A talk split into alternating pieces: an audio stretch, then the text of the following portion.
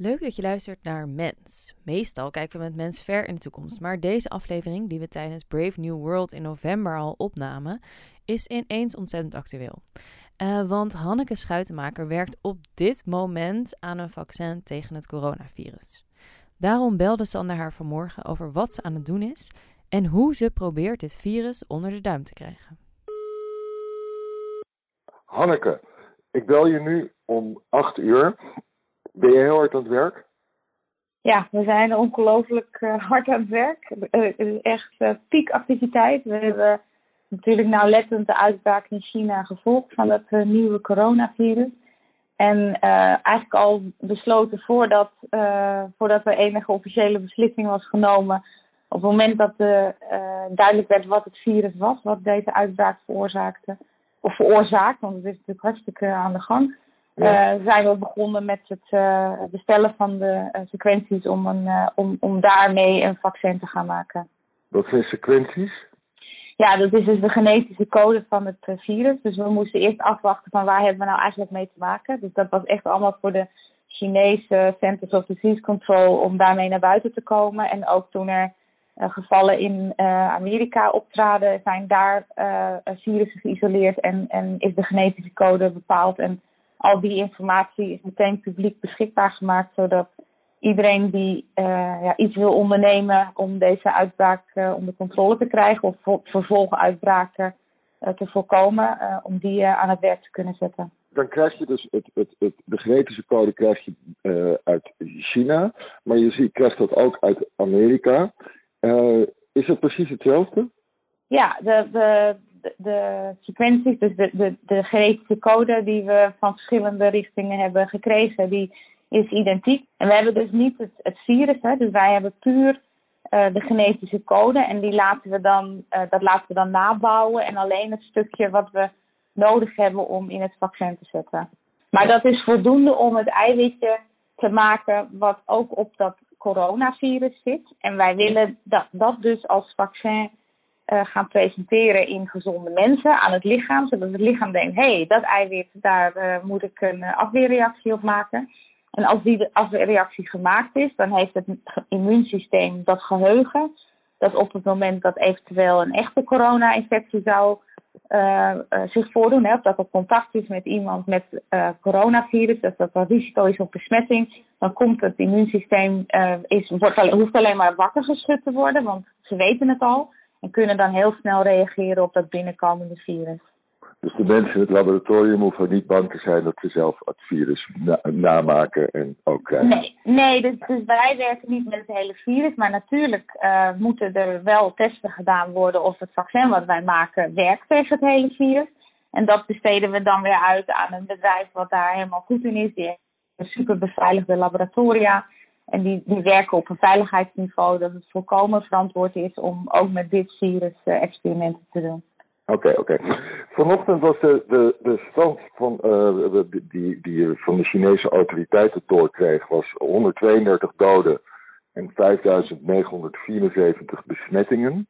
Ja. Eh, gaat dat snel voor jouw gevoel? Ja, het gaat snel. En, en we denken uh, ook zelfs nog steeds dat het uh, een topje van de ijsberg is. Uh, we weten natuurlijk nog niet of het virus in iedereen symptomen veroorzaakt. Dus je, je, eigenlijk tel je dus de mensen die er niet ziek van worden niet eens mee in dit soort uh, aantallen. Want alleen de mensen die natuurlijk zich melden met ziekteverschijnselen, die worden getest. En, en dus, het, het, ja, dus we weten eigenlijk niet eens hoe groot, het, hoe groot het probleem in werkelijkheid is. Ook omdat mensen al overdragen, dus ze zijn besmettelijk nog voordat ze symptomen hebben. En die periode tussen zelf besmet raken en ziek worden, ja. schijnt best lang te zijn. Dat is wel twee weken. Dus je loopt twee weken rond zonder dat je weet dat je eventueel andere mensen kunt besmetten. En dat maakt het eh, ook de controle van uh, de epidemie vrij lastig. Want als je alleen de mensen die natuurlijk, waarvan je weet dat ze het hebben, en dat zijn dus nu nog steeds de mensen die verschijnselen hebben, als je die in quarantaine zet, ja, er lopen nog heel veel mensen dan rond die nog geen ziekteverschijnselen hebben, maar die wel besmettelijk zijn. Dus het, het, uh, ja, het, het, het gaat heel hard. Ja. Vind je dat eng? Nou, nee, ik, ik, ik, ik vind het niet eng. Uh, ik denk ook dat we realistisch moeten zijn over uh, wat daar gebeurt als je het vergelijkt met een hele zware griepepidemie.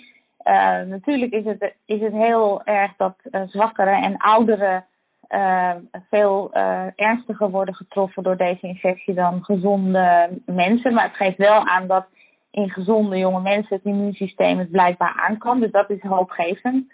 En uh, ja, wat we ook zien met een uitbraak als dit, is dat het vaak uh, seizoensgebonden is. Dus nou ja, de piek hebben we nog niet gehad. En we spraken met, met Amerikaanse collega's die wat beter in die, in die epidemiologie zitten. Die voorspellen dat de piek pas in april zal zijn. Dus nou ja, het, het aantal gevallen lijkt zich te verdubbelen per dag ongeveer, of per twee dagen. Dus dat, dan hebben we nog wel iets voor de boeg.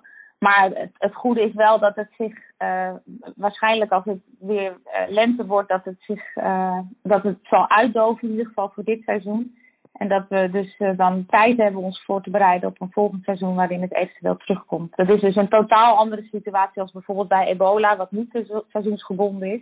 En wat gewoon door blijft gaan als je het niet onder controle krijgt met, met ja, door menselijk handelen. Je hebt al, in, in Frankrijk heb je nu ook vier gevallen.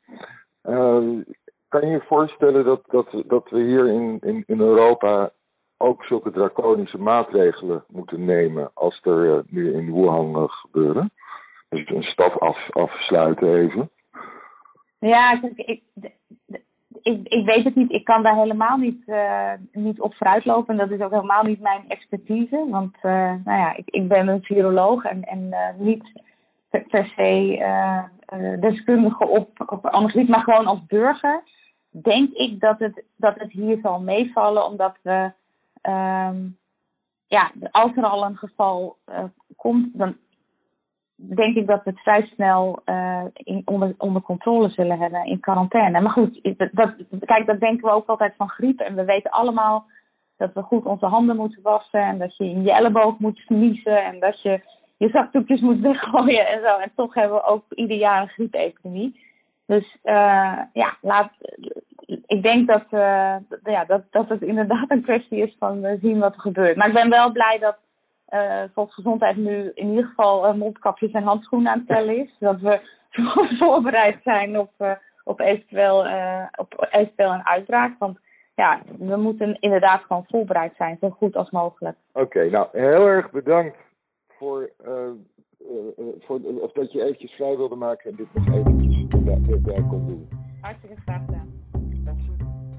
Dit is Mens, een podcast van Vrij Nederland. In deze reeks werken we samen met Brave New World, het toekomstfestival uit Leiden. Mens wordt gemaakt door Sander Pleij en Misha Melita.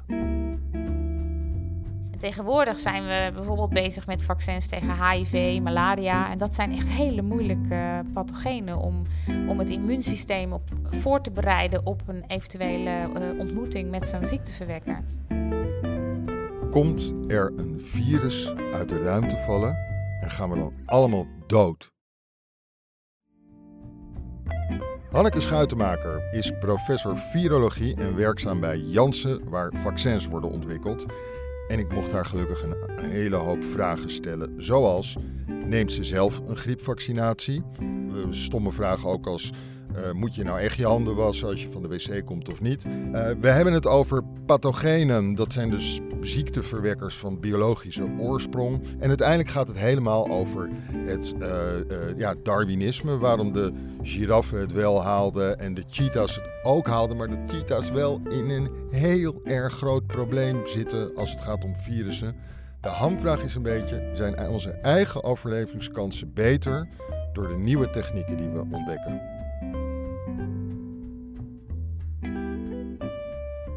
Hanneke Schuitenmaker, wat ontzettend leuk dat je er bent.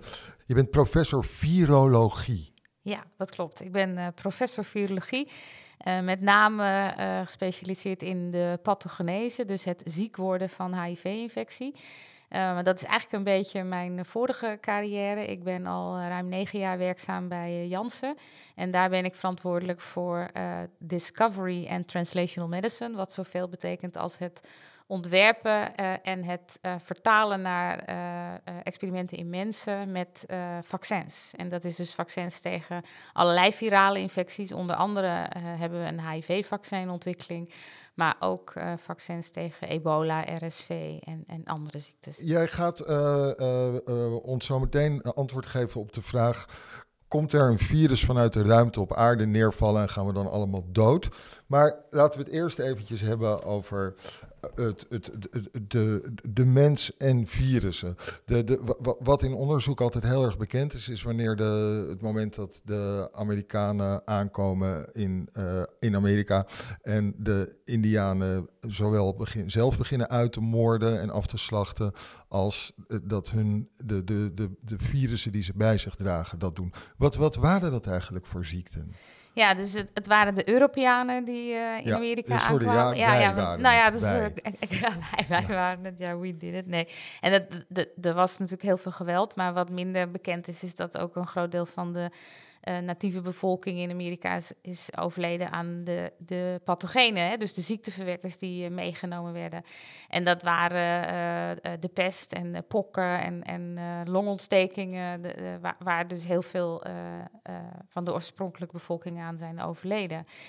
Um, wat, dat, dat heeft veel aandacht gehad. Wat vanuit een biologie en een evolutionair oogpunt interessant is, is dat er ook mensen het overleefd hebben.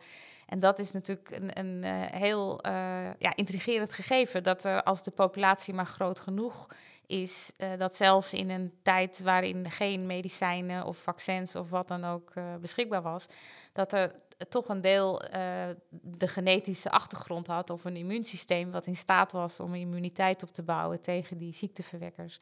En van daaruit is die populatie dus weer uh, gedeeltelijk hersteld. En is dat iets wat altijd in de, de menselijke geschiedenis gebeurt? Dat er een bepaald percentage het overleeft? Is dat, of is de ene keer 80 en de andere keer 30? Of is... Ja, dat, kijk, daar zijn niet. Uh, het is inderdaad zo dat er altijd een deel het wel weer zal overleven. Dat, tot nu toe, hè, want er zijn er nog. Ja, ja, dus dat is een makkelijke waar ik alleen maar gelijk uh, kan krijgen met mijn antwoord.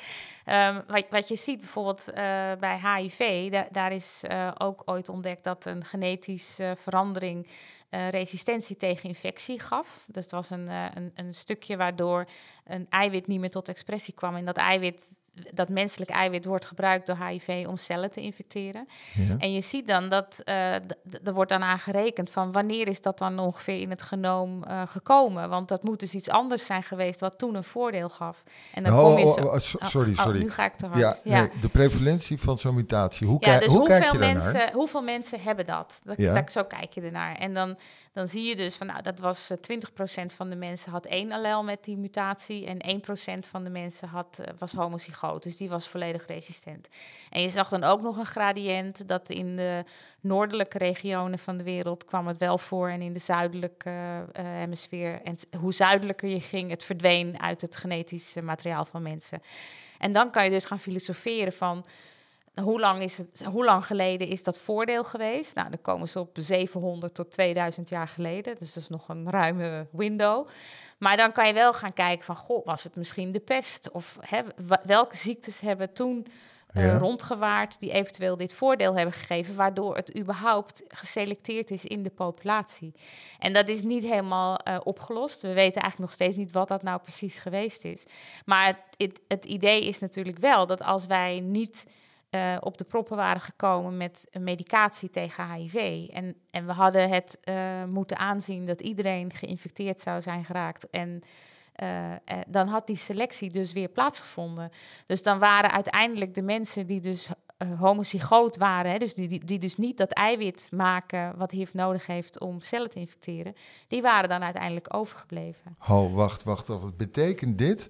Dat wij onszelf nu aan het verzwakken zijn doordat we mensen met HIV eh, genezen. Nee, nee, dus, eh, dat, dus dat, nee, dat, nee, inderdaad. Dus dat is altijd een beetje het randje waar je langs moet lopen. Want je, je interfereert dus met de, nou ja, wat is normale evolutie? Je kan natuurlijk zeggen, normale evolutie is dat je het pathogeen zijn, zijn gang laat gaan en dat een deel van de mensen het maar overleeft. Dat Pure is, survival of the fittest. Ja, precies. Dat is het verleden. Maar evolutie heeft ook bepaald dat mensen inmiddels in staat zijn om medicatie te ontwikkelen. Wij hebben grotere breinen, waardoor wij veel geavanceerdere therapieën kunnen verzinnen. En gelukkig geven wij om het individu. En daardoor zijn we dus gelukkig in staat geweest om vanaf 96 mensen met HIV een beter perspectief te bieden. Dat het van een ja, een doodstraf.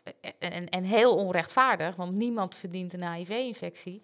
Maar dat het van een doodstraf is omgezet in een chronische ziekte. Waar nog steeds medicijnen geslikt moeten worden. Maar de levensverwachting van mensen die goed ingesteld zijn op therapie.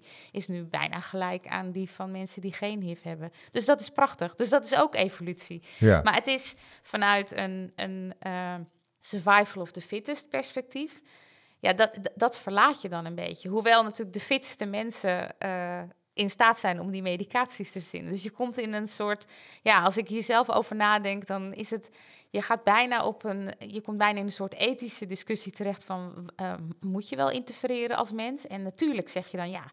Natuurlijk moet je interfereren, want we hebben een oplossing. Maar je, het is wel uh, goed om na te denken van worden we als populatie op die manier nog steeds fitter? En wat is fitness? En dat is denk ik ook heel goed om je uh, te realiseren dat fitness is nooit iets absoluuts. Dat is altijd in de context van de omgeving. Ik denk dat een makkelijk voorbeeld is um, de giraffen met de lange nek. De ja. giraffen die een lange nek hadden, die konden bij de blaadjes in de bomen. En toen er geen ander voedsel uh, voor, uh, voorradig was, hadden dus de giraffen met een lange nek een voordeel. Dus die konden zich voortplanten. De, de giraffen die er niet bij konden, die stierven van de honger. Dus die planten zich ook niet voort.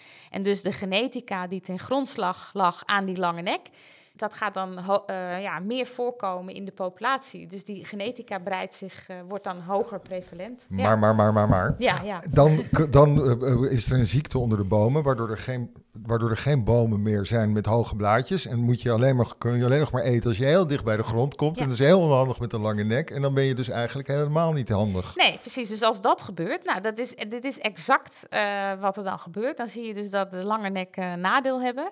En dan heb je dat die toevallig misschien weer een mutatie heeft in dat gen wat een lange nek geeft, dat die, uh, uh, dat die zich beter kunnen voeden en dus voortplanten. En dan krijg je weer dat de populatie zich daarna aanpast. En heb je dan dus dat er eh, allerlei verschillende uh, diersoorten zijn die beter zijn aangepast dan andere, omdat ze meer divers, diverser genenmateriaal hebben?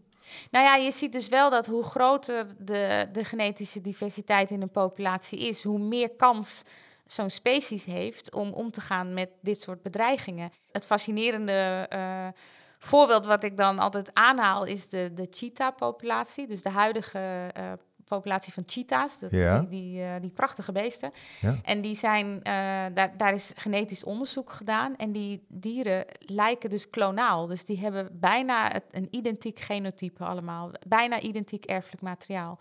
Dus die cheetahs, die zijn ooit, ja, was het een ijstijd of was het inderdaad een virus of wat dan ook. Heel, eh, ja, die hebben iets catastrofaals meegemaakt, waardoor er heel weinig exemplaren overleefd hebben. Maar die hebben wel uiteindelijk weer uh, zich voortgeplant en ja, bepaalt dat er de huidige populatie cheetahs is. Maar als daar dan iets, uh, ja, een nieuw virus of wat dan ook komt, waardoor sommigen het zouden overleven als ze het goede genotype hadden gehad. Die kans is dan natuurlijk heel klein. Dus zo'n populatie wordt dan heel erg kwetsbaar. Oké, okay, dan gaan we nu naar je vakgebied meer. Naar de Lukt het ons ook om sneller te reageren met een vaccin op een nieuw virus dan we 30 jaar geleden deden? Ja, het, het, kijk, we hebben natuurlijk veel meer technologie uh, uh, ter beschikking om, om snel te reageren. Maar wat we wel zien is dat uh, vroeger was de regelgeving soepeler. Niet dat ik zeg dat, dat het nu te streng is, maar toen kon er, werd er meer toegelaten en meer risico genomen, waardoor het, ja. de ontwikkeling sneller ging. En toen kon je even experimenteren op een Nou ja, niet eens mensen. experimenteren. Ik denk dat er toen ook sneller in mensen getest kon worden, omdat al snel uitputtend was wat je nog kon doen om aan te tonen dat iets veilig was of niet. Hè? Dus het, het was gewoon een andere tijd. En ook de, de pathogenen, dus de ziekteverwekkers waartegen toen vaccins zijn ontwikkeld, dat zijn redelijk recht toe, recht aan vaccins. Bijvoorbeeld, je neemt het hele pathogeen en je je maakt het dood. En dat gebruik je als endstof om uh, immuniteit op te wekken tegen het levende pathogeen. Ja. Hè, dus, de, dus, dat, dus die zijn uh, vrij eenvoudig ontwikkeld. Ook al ging daar nog steeds wel redelijk wat tijd uh, overheen. En tegenwoordig zijn we bijvoorbeeld bezig met vaccins tegen HIV, malaria. En dat zijn echt hele moeilijke pathogenen om, om het immuunsysteem op voor te bereiden op een eventuele uh, ontmoeting met zo'n ziekteverwekker. Dus daar is, is echt veel meer ja, veel meer inspanning nodig om de goede immuniteit te krijgen om, uh, uh, ja, om mensen te beschermen. En bij, bij HIV is het lastig, want er is eigenlijk nog nooit iemand uh, spontaan weer genezen van HIV. Dus we weten ook niet wat voor soort immuunreactie je nodig hebt om dan wel te beschermen tegen infectie of wel te beschermen tegen ziekte. dat je het pathogeen eigenlijk meteen stopt in zijn vermenigvuldiging zodra het binnen is. Dus, eh, dus er moet heel veel experimenteel onderzocht worden. En ook is het virus echt optimaal aangepast om niet gezien te worden door het immuunsysteem. Dus dat is ook, ja, en, we, we moeten eigenlijk, uh, ja met een geniale oplossing komen om daar vaccins tegen te en maken. En zijn er, ook, zijn er ook wel eens conflicten in het kijken naar het individu in plaats van het kijken naar de groep? Ja, nou, dat, dat zie je. Kijk, als je jezelf vaccineert, heb je een, een uh, hele goede kans dat je beschermd bent. Maar die kans neemt nog verder toe als heel veel mensen zich laten vaccineren. Want iemand die gevaccineerd is, heeft een, is, heeft een veel minder grote kans dat hij geïnfecteerd kan raken en dus weer iemand kan infecteren. En dat noemen we de, de kudde-immuniteit. Dus als uh, eh, 95% van de mensen hun vaccinaties haalt, dus niet iedereen heeft, hoeft een paraplu te dragen als je in een menigte loopt, om toch te voorkomen dat, dat uh, uh, iemand nat wordt. Hè? Dus te zorgen dat iedereen droog blijft. En dat is ook denk ik waar nu bijvoorbeeld de griepvaccinatie ook, hè, dat zijn altijd die discussies van moeten medewerkers in de zorg zich vaccineren.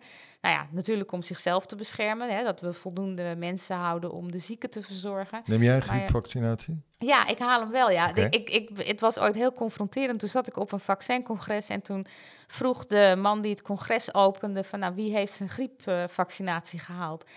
En nou ja, slechts 50% van de handen ging omhoog. Dat was dus in een, in een uh, publiek van goed geïnformeerde mensen. En, en het deed mij realiseren van ja, waarom bagatelliseer ik het effect van de griepvaccinatie? En dat zit hem dan in die, ja, het, het werkt misschien maar 50%, hè, 50% kans dat het werkt. Maar waarom zou je die, dat niet nemen, die 50% kans? Waarom bagatelliseer je dat effect? Het betekent gewoon één op de twee mensen krijgt geen griep. En dat is, als je een grote griepgolf hebt, is dat natuurlijk een, een aanzienlijk uh, bijdrage aan gezond blijven en aan, aan uh, de economie draaiende houden. En, en, hè, dus, dus, toen, nou ja, dus sindsdien haal ik hem. En, en ik, het heeft me ook wel geleerd om anders na te denken over andere vaccins. Want, want wij willen als mens gewoon iets wat 100% beschermt, toch? Wij willen gewoon zeker weten van als ik dat heb gedaan, dan zit ik goed. En ik, ik, ik denk dat we veel meer moeten gaan denken in wat draagt bij aan gezond blijven. Het is, het is ook geen garantie als jij uh, altijd gezond eet dat jou niks overkomt. Maar je maakt de kans dat je gezond blijft uh, gewoon groter. En dat is, zo, zo moet je ook naar vaccins ja, ja. kijken. En het is een verantwoordelijkheid, vind ik persoonlijk, maar ten, ten opzichte van je omgeving, dat je, dat, dat je ja, niet infectieus bent. Kun je je ook voorstellen dat alle volwassenen een griepprik nemen?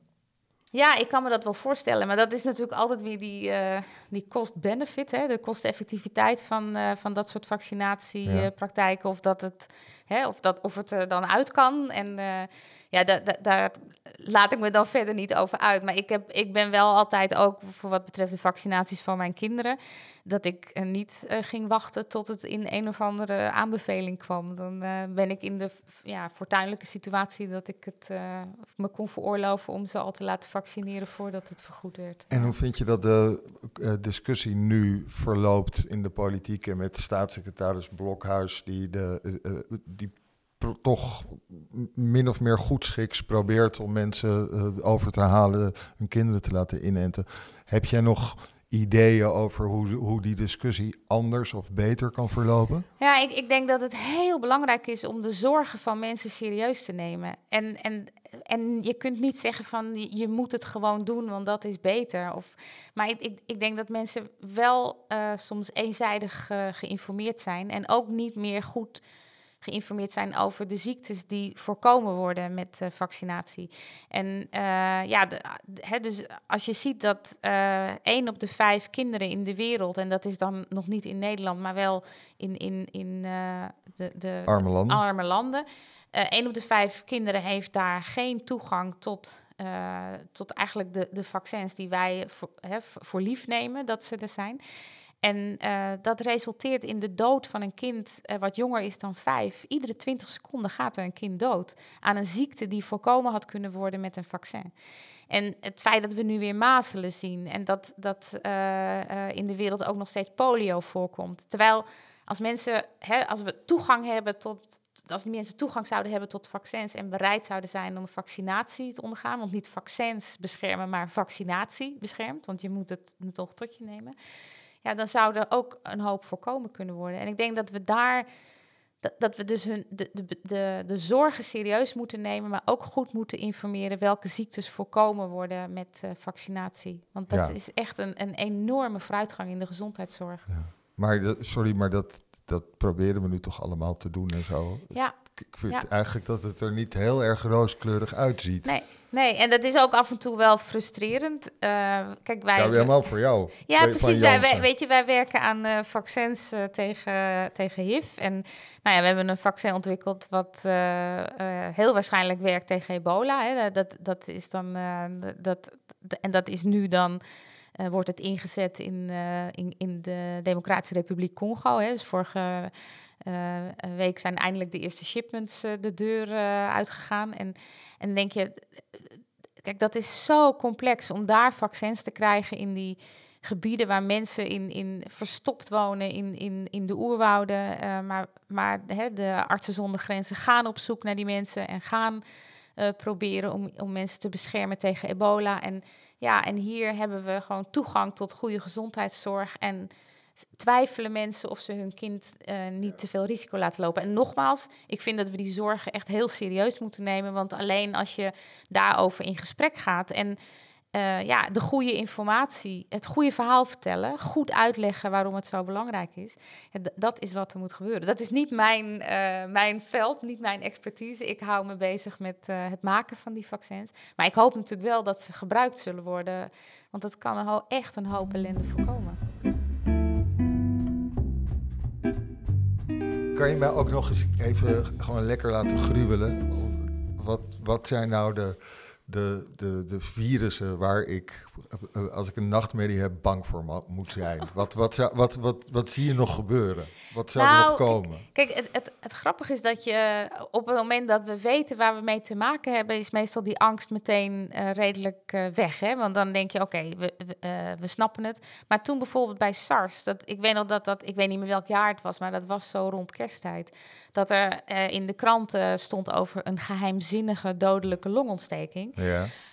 Nou, dan krijg ik het ook wel even benauwd. Want weet je, als iets door de lucht overdraagbaar is, dan is er bijna geen controle op, op uh, overdracht mogelijk. En, en, en ook nog steeds de griep. Ook al, weet je, mensen denken dat als ze een keer zich niet zo lekker voelen of een, een verstopte neus hebben, dat ze de griep hebben. Maar griep is echt een hele serieuze ziekte, waar gewoon jaarlijks mensen aan overlijden. Waar ouderen gewoon heel erg ziek van kunnen worden. Waar ook de, de lange termijn gevolgen met uh, longproblemen en dergelijke echt significant zijn. Dus een, een nieuwe griepvariant, dus, dus echt weer een pandemische griep. Nou, dat zijn wel dingen waar, uh, ja, alles wat door de lucht gaat, ben ik altijd wel redelijk, uh, ja, niet bang voor, maar dat is wel waar we op bedacht moeten zijn. En dat is wel, uh, ja, wat... maar heb jij dat je denkt je, dat je meer dan iemand anders door je werk vaker je handen wast en toch oplet? nou, ik was wel vaak mijn handen, maar als ik weer zo'n bericht hoor van na het toilet handen wassen, want de pathogene E. coli's die wij in onze darmen meedragen zijn eigenlijk een heel groot uh, gevaar om anderen te infecteren. Denk wel weer van, uh, ik ga het ook weer even tegen mijn kinderen zeggen van, uh, was echt elke keer je handen. Het is, en dat is misschien wel goed, niet, niet alleen dit bericht, maar ook de ebola-uitbraak in 2014, 2016 in West-Afrika met Sierra Leone en Guinea en Liberia die is uiteindelijk onder controle gekomen zonder vaccin, zonder medicijn. Hè? Dus dat is, die, die epidemie is uiteindelijk weer geëindigd. En dat heeft mijn zinziens puur te maken gehad met de bereidheid van die, eh, van die landen en de bevolking om nieuwe hygiëne uh, te introduceren. En dan kun je zeggen van ja, was je handen. Maar ja, als er één pomp in een dorp staat op 500 meter lopen, wordt even je handen wassen natuurlijk een heel ander verhaal dan wanneer je vijf kranen in je huis hebt. Um, ze hebben al hun uh, uh, gewoontes aangepast, begrafenisgewoontes. dus het, het ja, ik, ik heb daar echt diep respect voor. Dat, dat dus die mensen, als je zo geconfronteerd wordt met zo'n bedreiging, dat je bereid bent om te luisteren naar adviezen van hè, weer uh, ja, mensen die je niet kent, hè, die vanuit de middle of nowhere ineens... Uh, Europeanen die je komen. Ja, ik wilde de vergelijking niet maken, maar je snapt ja? wat ik bedoel. We hebben ebola niet gebracht. Maar uh, uh, dat, dat die mensen dus zo bereid zijn geweest om al die aanpassingen te doen. En dat dat eigenlijk, ook al heeft het nog best lang geduurd en heeft het ongelooflijk droevig veel uh, slachtoffers geëist, dat ze het wel op die manier onder controle hebben gekregen. Dus dat, ik, ja, ik heb daar wel heel diep respect voor. Dus het. het het, ja, dus, dus handen wassen en zo. Dus ik, ja, ik ben daar wel erg uh, ja, ja. op. Oké, dan zijn we nu aanbeland bij de slotvraag. Komen die virussen alleen van de aarde? Of komt er ooit een keertje eentje via een komeet naar beneden vallen? Nou ja, ja, dat weet ik natuurlijk ook niet. Maar ik denk dat alle onderzoek tot nu toe uh, niet heeft aangetoond dat die genetische opmaak, want een virus is ook gewoon genetisch materiaal, dat dat, uh, dat, dat voorkomt in de ruimte. Dus het, uh, het, het ligt nog niet voor de hand, maar ja, zeg nooit nooit als er water ergens gevonden is op een planeet. Dat kan, ja? Ja, nee, ja. Dat, het, ik weet het niet. Dat kan, ja. Het zou kunnen. Oké. Ja. Nou, heel erg bedankt voor dit gesprek. Ik denk dat er heel veel heel goed duidelijk is geworden. Dankjewel. Dank. Dankjewel. Dit was Mens, een podcast van Vrij Nederland. Mens wordt gemaakt door Sanner Pleij en Misha Melita. En we kregen voor deze reeks ook hulp van Brave New World. En nu heb ik een leuk nieuwtje, want we gaan nog een reeks maken. En dat gaan we samen doen met NWO. Dus stay tuned, zou ik zeggen.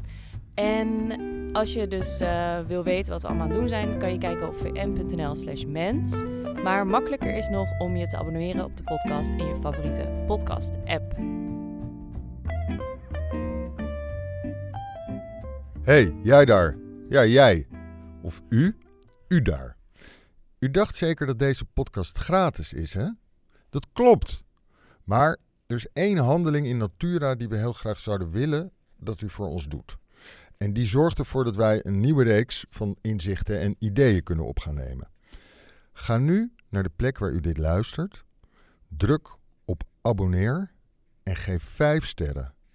Niet omdat wij heel erg graag een veer in onze edele delen of zoiets willen. Echt niet. Dat gaat erom dat we dan hoger op die uh, algoritmen komen. En dat er meer mensen gaan luisteren. En als er meer mensen luisteren, dan wil Vrij Nederland meer van deze podcasts gaan uitzenden.